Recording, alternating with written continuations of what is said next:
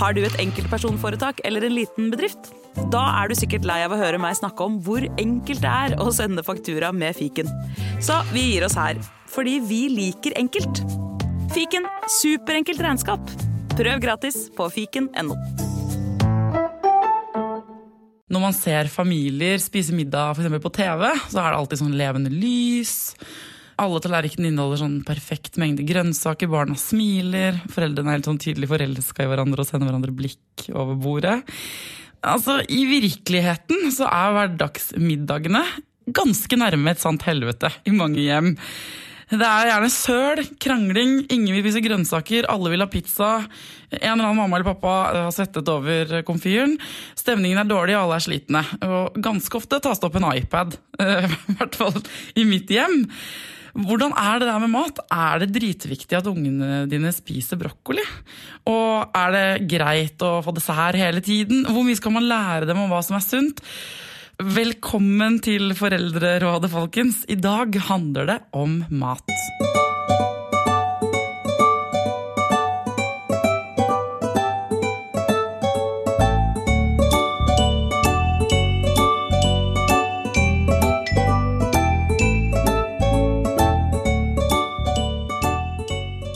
Hjertelig velkommen tilbake til Foreldrerådet, barnepsykolog Elisabeth Gerhardsen. Takk for det. Du, hvordan er liksom middagssituasjonen rundt omkring i de norske hjem? Det er veldig mye forskjellig. Det er eh, mange, med særlig barn som er sånn litt til slutten av, eller også tidlig i barnehagealder, som er opptatt av at de skal sitte sånn noenlunde på stolen, spise eh, uten altfor mye grising. De som har litt yngre barn, er veldig opptatt av det med at barnet ikke spiser nok. Kanskje spiser, er veldig kresent, vil ikke ha. Og så er det da de med de aller yngste er det jo mye sånn tema rundt det med grising, kasting, søling. Spise selv, ikke lov å spise selv. Og når jeg skal spole opp til de litt eldre barna, så er det dette med de spiser ikke middag, for de har spist seg mett på det de fant på kiosken på vei til og fra skolen. Så, og så kommer da angsten for spiseforstyrrelser inn når de blir store nok, da. Så det er ikke altså, sånn eh, som det blir avbildet i kataloger, og sånn, hvor man sitter en sånn lykkelig familie og smiler rundt et bord med friske blomster og sunn mat.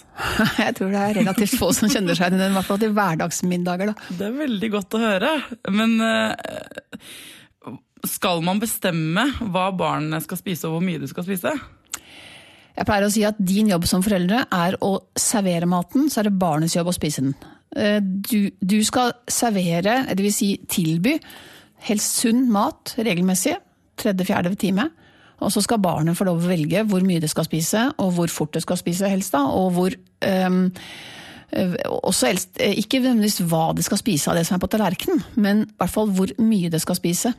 Det jeg er opptatt av, er at barn skal ivareta den naturlige evnen til å kjenne at de er sulten, og til å stoppe når de er mett. Og det er, det er ganske vanskelig for foreldre å lene seg litt tilbake og tenke at barnet mitt har en naturlig regulering av sult og metthet. Men ett av tusen spedbarn er født uten evne til å regulere egen sult og metthet. Og det er mange flere enn ett av tusen foreldrepar som er bekymra for det om barnet sitt får i seg nok mat, og sunn nok mat. Da. Men hvor, hvor, lenge har man den naturlige metthet, eller den følelsen da? Den er egentlig der bestandig, men den blir overkjørt av sukker. slik at hvis man spiser, hvis man tilbyr barn og oss sjøl sukker og usunn mat, så har vi en tendens til å overspise. Og så er den også avhengig av en viss grad av bevegelse. Altså at man liksom helst må bevege seg noe tilsvarende å gå et par kilometer hver dag. For der kan man merke f.eks. hvis du Nå snakker jeg om deg som voksen. At du merker at du er um, veldig snavlesjuk, godtesjuk. Og så tar du deg en tur ut, går en tur, løper en tur, og så kommer du tilbake og så er du ikke sulten. Det helt, skulle vært motsatt, for du har brukt noen kalorier. Men da får du regulert litt den appetittreguleringa. Men altså, alle som har barn hjemme, altså, øh, som skal spise, de, kan stole på at barnet vet selv når det er mett og sultent? Ja, altså, det er veldig mye maktkamper rundt måltidene. sånn at det er klart at all, Mange har allerede for lengst kommet inn i en sånn maktkampsituasjon hvor barnet nekter å spise fordi det ønsker å markere selvstendighet. Um, det, du gjøre, det du bør gjøre for å unngå å um, komme der, er jo at du da ikke maser på barnet, ikke tvangsfòrer, det er ganske temmelig viktig, det er veldig viktig. Aldri bruke makt. Ikke lage for mye styr rundt maten i det hele tatt. Ikke kommentere for mye på at barnet spiser. Ikke skryte av det. Det er veldig mange som er overrasket skal over. ikke skryte? Nei, fordi at barn skal få en sånn grunnleggende følelse av at jeg spiser fordi jeg er sulten, jeg stopper fordi jeg er mett. På samme måte som du ikke lager en masse styr rundt det med pusting. Har du pustet nok i dag? Har du pustet dypt? Jeg syns ikke du puster dypt nok. Nå må du puste! Husk å puste! Pust med magen nå! Altså, Vi lager jo ikke sånn styr rundt det med pusting. Vi lager ikke styr rundt det med tissing. Men det er jo en like sterk drivkraft, nesten, det å spise. Sånn at hvis du da eh, tenker at barnet skal føle at det spiser for sin egen skyld, så skal du jo ikke skryte. For da spiser, hvis du sier også flink du er, en skje for mamma, en skje for pappa, ja, hvem er det du spiser for da, da? Jo, for å glede mamma. Og det kan veldig fort barnet tenke at ja, det er fint å glede mamma, men i dag har jeg ikke lyst til å glede mamma, så da kniper jeg munnen igjen. Og det er et av de få maktmidlene en toåring har som nesten alltid virker, for å knipe igjen munnen. Det kan få foreldre til å forlenge menyen fra dagens til hva som helst. Da kan du liksom ja, nei, nå er det kjøttkaker. Nei, vil ikke ha kjøttkaker. Hva vil du ha, da? Vil du kanskje ha pølser? Eller kanskje du vil ha brødskive? Eller en bolle, da. Noe må jo den ungen spise. Og så er vi i gang med å utvide menyen. Ja, jeg kjenner mange foreldre som holder på sånn. Ja. Som uh, har sånn fire alternative middager Mm. hjemme. Men hvis man allerede har kjørt seg opp i et sånt hjørne, da, hva skal man gjøre? Altså Trekk pusten dypt, eh, se- sett dere til bords, eh, snakk om hva som helst, bare ikke maten. Sett mat foran barnet. Eh, Hvis barnet nekter å ha mat på tallerkenen sin, vi er ikke sulten, nei det er helt greit, men du skal sitte til bords fordi det er så koselig. Det må du ofte si med ljugekors, for det er ikke så veldig koselig. Nei, men du påstår at det er, ikke koselig. Nei, du påstår at det er koselig. Derfor må barnet sitte til bords, selv om det påstår ikke vil ha mat. Legg fram litt mat på tallerkenen, slik at barnet slipper å føle at det, mm, eh, at det mister ansikt ved å be om mat, hvis det har gått helt i baklås på at det skal ikke ha. Og så snakker du om hva som helst, ikke maten. Og ikke om barnet spiser eller ikke spiser. Prat i vei om barnehagen, hvordan det har vært, hva det driver med.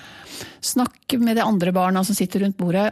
Bare skap en hyggelig stemning, det er jobben din. I tillegg til å servere maten, så er din jobb å skape en hyggelig stemning. I den grad det lar seg gjøre. Og hvis da barnet begynner å spise mat på maten likevel, altså spise av maten likevel, så ikke sånn 'der ser du, det var godt likevel, og så flink du er', og sånn. Men bare snakk videre om noe helt annet. Når barnet erklærer seg mett, og du tenker 'no way, du er ikke mett etter den ene tyggen', så kan du si det er greit, men sitt litt til, fordi det er så koselig. Igjen dette ljugekorset, da. Men det er igjen for barnet skal liksom, være litt sånn eksponert for mat litt. Og hvis den ikke spiser noe mer, da? Nei, da lar du den gå fra, og så setter du ikke i gang med noe sånn sukkerregime etterpå for å få i den et eller annet. Det du skal gjøre, er å sørge for at barnet er sultent på forhånd. Fordi at det veldig mange foreldre gjør, er å drive oss i de småmate de i løpet av mellom måltidene. Du får et slitent og surt barn hjem, og så stikker du til det en neve rosiner, to kjeks, et glass saft, eh, kanskje også noe sunt noe. Men gjerne gi barnet ditt mellommåltider, men da må du ikke bli fortvila fordi de ikke spiser middag. Det du kan tenke er relativ vekt. Det er ikke helt eksakt vitenskapelig riktig, fordi barn trenger ikke, altså Kaloribehovet er ikke bare bestemt av hvor stor og kraftig og vekt, vekt, hvilken vekt du har. Hvis du tenker at barnet ditt veier 12-14 kilo, og du veier en 60-65 kilo, eh, da veier du fem ganger så mye som barnet ditt.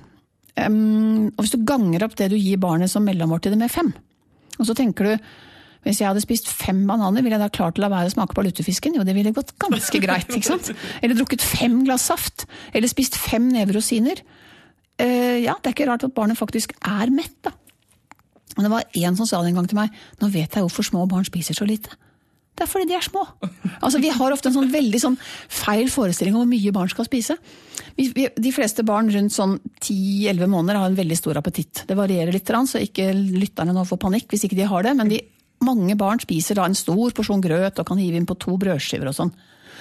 Og så sitter du der med en unge på sånn drøyt året som sitter og pirker i en kvart brødskive og erklærer seg mett. Det er helt vanlig. Vær klar over at appetitt synker veldig ofte rundt um, andre leveår, altså fra de en eller annen gang etter ettårsalder. Etter fylte ett år i ettårsalderen synker ofte appetitten. Og da er det faktisk slik at barnet ikke er så sultent, og det skal det ikke heller være. Hvis barnet ditt, barnet ditt tredobler vekta si fra det er født til det er et år, og hvis det skulle fortsette i det tempoet, så vil det veie et tonn ved skolestart. Og det er jo neppe noe mål. Sånn at det, det er noe med å greie å tro på at dette barnet vil faktisk spise hvis det blir sultent, og hvis det er tilbud om mat. Så regelen er å bare alltid tilby det, tilby sunne ting, og ikke snakke noe særlig mye mer om det. Ei, heller, skal vi heller ikke liksom hause opp lørdagsgodt og is og boller og sånn? Altså sånn Nå er det lørdag, nå skal vi ha sjokolade. Er det feil? da? Altså Det er nesten umulig å ikke gjøre, fordi de fleste av oss forbinder jo mat med fest. ikke sant? Du sitter jo ikke nå, nå du sitter jo ikke på 17. mai med to gråbrødskiver og syns at nå er det party. Sånn at vi fleste av oss forbinder jo øh, god mat med hygge, og hygge med god mat. Sånn at sånn sett er det kanskje, du, godt, du kan godt liksom blåse det litt opp, men unngå å bruke mat som belønning. Og igjen er det dette her, dette er veldig mange som syns er kanskje litt uventa, men hvis du sier til barnet ditt nå har du vært flink til å gå tur, så nå skal vi kjøpe en is. Ja, Da er igjen mat avhengig av flinkhet. Hvis du sier å jeg ble så varm og svett, jeg må gå, skal vi kjøpe oss en is, eller? Da er is noe du har lyst på. Da er det knytta til hva du føler av hva du har lyst på, ikke hva du har prestert hele tiden. Jeg innrømmer med en gang at jeg bruker det som belønning. Øh, eller jeg Nei, nå får du ikke is likevel, fordi du klarte ikke å oppføre deg ordentlig. Ja. Mm. Jeg tror ganske mange bruker det på den måten. Det må vi bare slutte med med en gang, da, skjønner jeg. Helst skal du i hvert fall slutte å bruke mat som premie, og slutte i hvert fall å holde igjen mat som en form for straff. Um, og dette gjelder jo også ikke bare, dette gjelder jo ikke bare um, isen, det gjelder jo også dette med at ja, F.eks. et barn som da slår seg vrang, nekter å kle på seg lørdag morgen. Skal du da true med at du skal nekte det lørdagsgodt? Er det noen logisk sammenheng mellom det å kle på seg og lørdagsgodtet? Det er jo ikke det. Så det, truslene dine bør ha en viss sånn logisk sammenheng. Men det betyr ikke at du skal finne deg i alt som foreldre. Så hvis et barn spiser slik at de rundt bordet mister appetitten, så kan man godt si at vet du hva, skal du spise sånn, så må du faktisk spise på stua. Dette orker ikke vi å se på. Eller da kan du spise etter at vi andre er ferdig. Så aldri nekte et barn mat, men det trenger ikke få spise hvordan det vil. Naboene mine har et problem. Eh, de har en eh, nesten tre år gammel datter. og møtte dem på vei hit i stad. Og de sa kan du spørre om eh, fordi, hvordan får man barnet til å bli sittende ved bordet uten å bruke iPad som middel? Ja, altså Man må jo spørre seg er det noe mål at det sitter der. Det er det første. Altså Hvis du tenker at barna har spist opp det de skal spise, um, gjør det noe om det går fra, egentlig? Altså, Men I de... barnehagen er de veldig flinke til å sitte ved bordet lenge, og der har de jo regler på det. sånn. Ja. Mens i alle andre situasjoner så er det mye vanskeligere å holde, få dem til å sitte i ro. Mm. Og ha det koselig, som ja, du sier. Ja, ja, det er modellæring. I barnehagen så sitter det 15 andre barn stille rundt et, eller ikke stille, men de sitter rundt bordet. Da sitter du òg, fordi da skjønner du hvordan barn oppfører seg. Hjemme er det to foreldre, kanskje et annet barn. Det er for lite modellæringseffekt i det der. Og pluss at barnet da har kanskje en klar idé om at det går an å springe fra. I barnehagen så er det på en måte litt mer sånn Det er ikke lov, man gjør ikke det. Og de skaper en hyggelig stemning rundt bordet uansett. Og barnehagen er heller ikke så veldig fokusert på hva hvert enkelt barn spiser. Det er ingen som klapper i hendene fordi om Thea har klart å få i seg to brødskiver. Det gir de egentlig jevnt blaffen i, så lenge Thea sitter sånn noenlunde stille. Så det hun får tilbakemelding på, er oppførselen sin, og ikke på matinntaket. Og det gjør også at hun da kan spise det hun har lyst på av den maten som blir servert, og ikke tenke at nå har jeg lyst til å gå i baklås, så nå spiser jeg ikke. Ingen som legger merke til det. Men du, har det noe å si altså, Er det noen sammenheng mellom spiseforstyrrelser og matvaner? Altså Spiseforstyrrelser handler om mye, eh, og absolutt ikke bare om matvaner. Men det jeg er opptatt av, eh, det er å unngå å lage så mye prestasjonspress rundt mat, og så mye kontroll fokus rundt mat at det kan legge til rette for en spiseforstyrrelse. Du får ikke nødvendigvis en spiseforstyrrelse av å ikke følge mine råd, men du kan hende at du kan være med på å bremse sjansen for det, da, ved at du kan følge disse rådene. Så dette med å ikke lage så mye, ikke lage så mye styr rundt det om barnet spiser eller ikke, jeg pleier noen ganger å sitere Kunsten og Ludvigsen, den 'Kanskje kommer kongen'-sangen. For der synger de 'Kanskje kommer kongen', og så er det masse om hvordan de skal lage mat. Og så sier de 'Kanskje kommer han ikke all vår oppdekning til tross', men det gjør ikke så mye, for da blir det mer på oss. Hvis du greier overfor barnet ditt som 'jeg vil ikke spise det', nei, men det er greit, da blir det mer på oss andre. Altså Hvis du greier å ha den holdningen, late som du har den holdningen, så vil barnet mest sannsynlig også etter hvert skjønne at det er din appetitt som regulerer om du skal spise eller ikke. Men så er det en annen ting foreldre ofte er veldig opptatt av. Eh, barnet spiser det, men de spiser bare pålegget. De spiser brødskiva horisontalt, de spiser pålegget, og så gnager da smøret, og så tar de i beste fall litt av innmaten, og så skal de ikke ha med, for da er det mett. Og så lurer de på hvordan få de til å spise skorper, eller hvordan få de til å spise mer av det som ligger på tallerkenen. Og trikset da er jo å ha små porsjoner. Eh, hvis du vil at et barn skal spise skorper, og det tenker jeg er absolutt legitimt å ville, så start med å servere et sultent barn dvs. Si som ikke har spist noe med kalorier i på tre timer, en bitte liten brødskivebit på størrelse med en kvadrat centimeter med en liten skorpe på. Mini, en mini, Mini, mini bit, og så skjære opp det som om du gjorde det da de var bitte små. Liksom. Og så eh, spiser barnet da som det pleier å gjøre, dette her eh, i feil vinkel, og så kommer det med skorpa og sier æ, æ, æ, for jeg forutsetter at vi snakker om en ettåring, ikke en femåring, og vil ha, så sier du ja, du skal få mer mat, vennen min, vil du ha mer mat? Ja, men da må du spise opp den skorpebiten først. Og så må du holde deg helt rolig og vennlig på at det er skorpebiten i munnen, så får du mer mat. Og så dytter du på da med en og en sånn liten rute til barnet da har spist opp all, etter hvert som det spiser skorpene. Og så må du regne med at det ligger igjen en bitte liten skorpe til slutt. da. Men å begynne å tvinge en halvmett, trekvart mett unge som har spist nesten en hel brødskive, bare ikke skorpa, til å spise skorpe, det går jo ikke. Men Og med sånn brokkoli Altså, eh, mitt barn likte brokkoli Mm. helt til han kom i barnehagen. Og da kom han hjem fra barnehagen og sa sånn mm, 'Liker ikke brokkoli i barnehagen, skjønner du, mamma, jeg kan godt spise det her, men jeg liker det ikke i barnehagen'. Ja. Og nå har det smitta over, så nå liker han det ikke hjemme heller. Nei. Det er jo et eller annet sted hvor uh, han har lært at brokkoli ikke er noe kult å like. Så det, han, det liker han ikke mer. Må han spise brokkoli? Uh, og hva kan jeg gjøre for å få han til å like det? Altså, man skal til en viss grad respektere barns smak. Det viser seg at en del, altså Barn har jo smaksforskjeller, sånn som vi voksne har. Det skulle gikk opp for meg sånn veldig aha-opplevelse da jeg var rundt fem år, at grunnen til at de voksne hjemme spiste all mat, det var fordi de lagde bare mat de likte. Jeg oppdaga at det fantes mat moren min ikke ville finne på å lage, fordi hun ikke likte det. da. Um, men det betyr jo ikke at barnet ditt skal få lov til å velge f.eks. Nugatti istedenfor sunt pålegg. Så når det gjelder pålegg for eksempel, vil jeg anbefale at man har en tre-fire forskjellige varianter, og så får barnet spise det det har lyst på innenfor disse sunne variantene. Når det gjelder middag så er det litt mer kjelkete. For du vil ofte at barnet skal spise noe mer enn bare de pølsebitene. Og det igjen, hvis du tenker at nei, et fullverdig måltid i, vårt, i ditt hode er f.eks. en liten bit potet en lit, og litt, eh, litt pølse og litt brokkoli, så lager du en miniporsjon av dette her. Og så er det opp til han. Du må gjerne bare spise pølsa. Vil du ha mer, gutten min, så må brokkolien ned først. Det er det samme som det minibrødskivetrikset. Ja, ikke sant? Samme veien. Det, og, og også da være rolig på det at pølse er godt, ikke noe gærent med det, men det er ikke bra for kroppen å bare spise pølse, så ø, vi må spise litt brokkoli også. Men du kan slippe å spise brokkolien, da blir det heller ikke påfyll av pølsa. Når du sier det der med bra for kroppen, hvor mye skal man fortelle barn hva som er bra for kroppen, og hva som da ikke er bra for kroppen? Skal de vite at sukker ikke er bra og sånn? Ja, jeg syns at det er helt greit. Jeg syns man skal vokte seg vel for å snakke om hva som er fetende eller ikke fetende, fordi jeg er opptatt av at barn ikke skal, eller så langt man kan unngå det, slippe å være så fryktelig opptatt av kroppsfasongen sin, men gjerne, gjerne få litt eh, ideer om hvorfor man ikke da kan spise is hele tiden. Og gjerne sånn is er godt. Jeg syns også is er godt, men det er ikke så sunt for kroppen, så det må vi spise litt mindre av. Nugatti smaker kjempebra, men er ikke bra verken for tenner eller kroppen, så det spiser vi heller ikke så mye av. Altså slik at barnet skjønner at ikke det bare er en sånn fiks idé om maktsykhet som gjør at du da nekter eh, Nugatti på alle brødskiver. Kan det gå for langt, eller? Det der eh, å fortelle om sunnhetsgrad og spirer og Altså, det er jo noen som eh, driver med supermat og smoothies og ingen karbohydrater til ungen og sånn. Ja, altså Hvor det, går grensen der, liksom?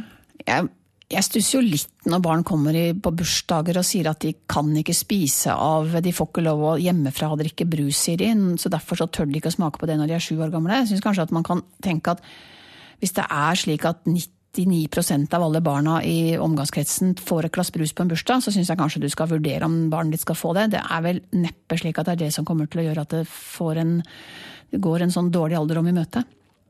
Er, det er jo noe med ikke skille seg så veldig ut også. Det gjelder jo alle sånne særheter vi foreldre har. Det er ikke barna som står på barrikadene. Sånn at Hvis du har en fiks idé om at du skal bare spise sunt, så gjør gjerne det du. Men, men ikke overfør for mye sånne særheter på ungen din. Nei, hvor mye av dette handler om å være et godt eksempel? Altså, du, jo, du får jo ikke et barn til å legge bort Nugatti-boksen fordi om du bare spiser um, sunt pålegg, men hvis du da er, viser sjøl at du spiser altså Hvis du pleier å forsyne deg av sunn mat, og det er sunn mat som står på bordet, så vil jo barnet også følge etter ditt eksempel. Barn lærer jo i veldig stor grad hva som er spiselig hjemmefra. da. Slik at, og det er jo det samme gjelder jo det å kunne smake på ting. Det er også litt sånn kinkig. Skal barn tvinges til å smake på ting eller ikke? Og, og jeg er mer tilhenger av at man setter fram den nye maten og oppfordrer barnet til å smake på det. Spiser det selv, viser at man liker det. Og så satse på at de kommer til å prøve å smake. Når det gjelder bitte små barn, nå snakker vi sånn type babyer og ettåringer som skal få sin første skje av et eller annet, så bør ikke barnet være for sultent. Fordi et sulten spedbarn er ikke interessert i den skeia med denne rare tingen på, den vil jo ha pupp, den. Det er det som er mat. Så da må du benytte deg av barnets nysgjerrighet, at du prøver å gi det, det rare maten litt sånn mellom måltidene isteden. Men barn som er blitt et par år, så gir man det heller når det er sultent og prøver å satse på at det vil smake det. Men pass også på ansiktsuttrykket ditt, for hvis du er bekymra for hva barnet spiser, så sitter du med et veldig sånn rynke mellom øynene og nå håper jeg du spiser, og, og formidler veldig tydelig at du er bekymra. Og det er litt sånn, så kan du tenke deg naboen kommer og skal Smak på det her, Thea! Og så ser du liksom, hun ser ut som hun er liksom skikkelig fortvila og bekymra med tanke på at du skal på gi deg det, da. Hadde jo ikke smakt det, vet du. Jeg hadde trodd det var en bille eller noe. Ikke sant? Ja. nettopp. Og så det at hvis du liksom Du må på en måte Du må jo formidle en matglede sjøl. Så hvis du sier 'se, smak på det her, da! Det er kjempegodt'. Altså, Datteren min fikk jo barnet sitt til å ville ta imot antibiotika på den måten. Mens jeg har jo holdt mine fast når de skulle ta antibiotika, for det har vært en hyl og en skrik av en annen verden, og de tenker det må bare tvinges ned. Men de hypa det opp, som de sa. De, var de snakket om det fantastisk hvor godt det der var. Og denne toåringen gapte og svelget og var fornøyd. Etterspurte det. Men hva gjør man hvis barnet spiser for mye, da? Ja, altså hvis du har et barn som faktisk er litt for stort, det er vel egentlig det som er problemet. Hvis de spiser uten å legge på seg, så er det jo ikke noe problem. Eller eventuelt er det da et problem fordi barnet har en tarm som ikke funker. Men eh, med dette barnet som spiser for mye til vanlig, vær veldig forsiktig med å snakke til barn, i hvert fall under puberteten, om at du slanker det. Hva med før, liksom? Altså, ja, altså før puberteten, tenker Ja. jeg nå. Altså Disse barna som er før puberteten, og spesielt barn som er sånn under ti, ville jeg ikke snakket til det om at du er blitt for tjukk. Nå må du passe på hvor tjukk du er. Fordi dette skaper igjen en sånn kroppsbevissthet, som, og den er negativ. Jeg ser kroppen din, den er viktig hvordan den ser ut, og den er ikke bra. Det er det du formidler da. Det du skal gjøre da, er å endre kostholdet. Og mange har en idé om at vi spiser jo bare godt til, eh, til helgedag, eller til, til når det er fest. Ja, når er det fest, da? Det er jo fest hele tiden. Hvis du regner ut hvor mange barneselskaper, 17. mai, påskeegg, juleavslutninger, Lucia-dager, pepperkakebakinger, eh, vanlige lørdager, bursdager hos bestemor, dine egne gjestebesøk, sommerferie med litt is. Det er utrolig mange ganger du gjør et unntak. Jeg har regna ut at det er i hvert fall hver tredje dag eller noe sånt nå, bare på mine unger. Så prøv å legge om kostholdet. Legge om det hverdagslige kostholdet. Legge om litt, brems litt på festkostholdet. Kanskje du kan bake noe som ikke er så veldig fett. Og veldig, veldig mye sukker i. Og så ikke minst prøv å få barnet til å aktivisere seg. Og legge om kosthold for alle. Det som er litt sånn hjerteskjærende, er jo når jeg ser i familier hvor en av ungene blir nekta f.eks. smør.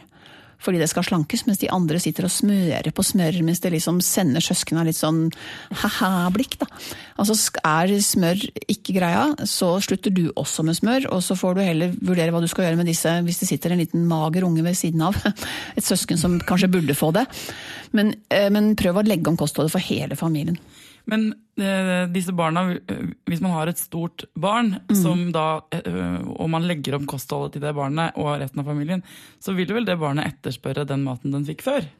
Ja, det vil den jo. Men om du begynner å lage f.eks. torsken på en annen måte, slutter å Hvis det er fisk, så trenger du ikke kanskje nødvendigvis være stekt i et lag med smør og den feiteste fisken du får kjøpt, selv om den faktisk kanskje du også syns er best.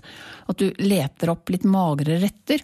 Og, og så, ja, laks, jeg har lyst på laks, ja, men du, det kan vi ha neste gang. Men i dag er det torsk. Og så går det an å lage torsken på en god måte også, hvis man skal tenke at man lager en mager utgave av det man ellers ville spist. Da. Og det gjelder også det at man skal Så slankne foreldre bør inn i skapet. Fordi igjen er det dette her med at hvis du ser at moren din sitt humør er avhengig av hva badevekta viste, så vil du veldig fort skjønne at vekt er viktig for å føle seg vellykka. Og selv om min vekt i dag er grei, så går det noen få år, og så vil barnet, altså barnets vekt føles bra for barnet, så går det noen få år, så begynner det å bekymre seg for at det skal legge på seg. For du har jo skjønt da, at det er viktig. Så hvis mamma eller pappa slanker seg, så skal ikke det være et tema Ikke et tema. foran barna? Nei, Og ikke hvordan, og, og jeg er også opptatt av, det har hørt litt sært ut, men prøv å legge merke til hva du gir dine venninner komplimenter på. Åh, har du gått ned, eller? sier du. Og det er liksom det kuleste og fineste du kan si til en venninne du møter. Hva tenker femåringen som står ved siden av deg? Vekt er viktig. Eller du hvisker til mannen din tror han har lagt på seg, vi må jo gå an og skjerpe seg litt. Så skjønner også femåringen vekt er viktig. Vekten hennes er kanskje fin nå, om noen få år så vil hun bare være redd for at den ikke er bra nok. Så prøv å si noe hyggelig til venninnen din når barnet ditt hører på, som ikke handler om hvordan hun ser ut. Det er egentlig kanskje en god øvelse, selv om barnet ikke hører på. Så hvis en som hører på Foreldrerådet akkurat nå, bestemmer seg for at i morgen da skal vi ha en skikkelig hyggelig middag, mm. Der barna spiser, og det er god middag, og alle oppfører seg pent, eh, hva skal den gjøre? Ja, for det første det som jeg nevnte, ikke så mye mellommåltider, slik at barna faktisk er noenlunde sultne. Ikke for sultne, da griner de og blir dårlig humør. Men Sørg for at familien er sulten til ja, middag. Ja, tre timer uten for mye kalorier, eller uten noen kalorier på forhånd. Lag gjerne maten sammen med barna. La de prøve å være med på å dekke på. Snakk om at i dag skal vi kose oss. Um, sett fra maten. Sørg for at du selv er i godt humør. Vær blid, vis at du liker deg. Du må lag mat du selv liker, slik at samme hvor sure barna er, så føler du at det var verdt det for din egen skyld. om ikke annet. ja, og um, prøv å ikke fokusere så mye på det som går gærent underveis. Liksom ikke for mye sånn hakking på den som da sitter som en mark på stolen. Kanskje det ikke er så farlig om hun sitter som en mark på stolen, så lenge hun ikke krangle på maten og ikke lage bråk. Hvis det blir tilløp til bråk, så kan du også prøve å snakke med den som oppfører seg pent. Er, vi går alle med sånn ryggmargsrefleks på den som vi syns oppfører seg dårlig. Må slutte å snakke sånn, sitt ordentlig, ikke gris sånn. Mens det barnet som sitter pent, får null oppmerksomhet. Så hvis et barn begynner å øh, kanskje klage eller bråke litt, da, snu deg mot den som sitter pent. Hei, hvordan gikk det i dag i barnehagen? Fikk du lekt med Karoline, eller? Og så vil du ganske fort oppdage det barn, andre barnet at det som gir uttelling her, er faktisk å sitte fint. Og så kan man jo kanskje legge til at det er ikke sikkert akkurat den middagen blir drithyggelig, men eh, det er en start. Ja ja, øvelse gjør mester. Altså, du kan jo ikke bare tenke at, det var, at fordi det ikke funka første gangen, så kommer det aldri til å fungere. Det er jo også noe med å snu den forvent... Barnet går jo også inn i måltidet med en forventning. Hvis de er vant til at ni av ti middager er kjefting, gråting og krangling, så vil de jo ikke av seg selv skjønne at nå er det en ny dag. Og da må du i så fall si det, da. At i dag har jeg tenkt at jeg skal prøve at ikke det blir så mye kjefting når vi skal spise. Syns barn også er en ypperlig idé. Gjør gjerne det, mamma. Eller pappa, ha det som ambisjon. tusen, tusen takk for at du kom til Foreldrerådet, Elisabeth Gerhardsen.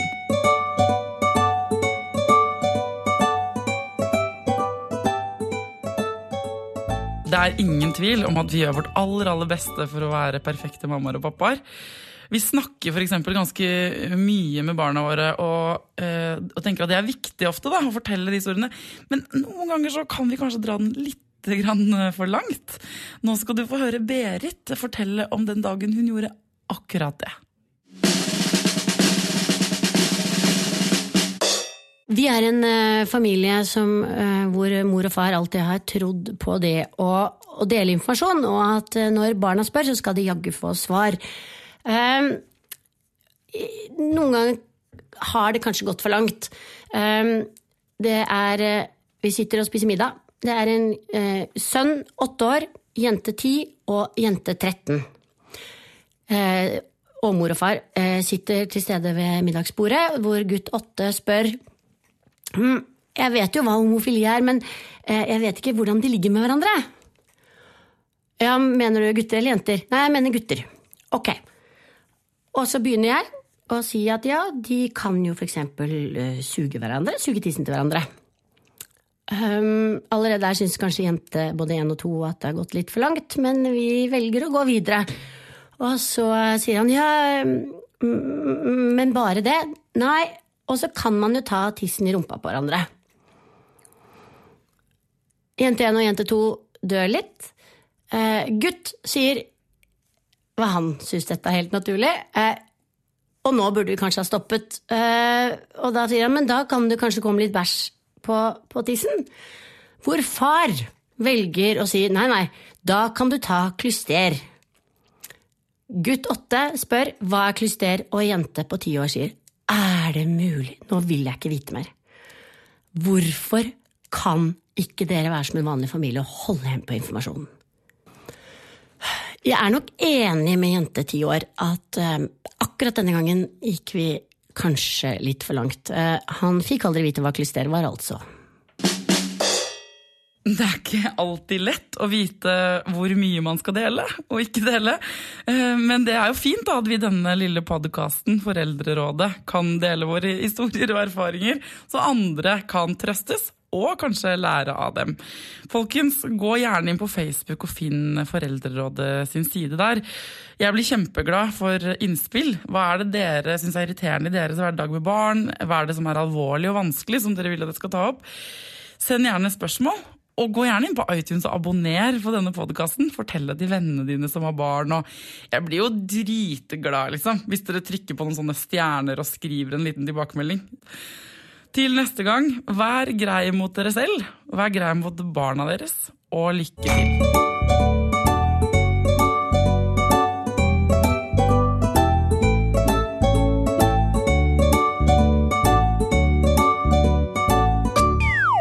Produsert av Rubicon Radio.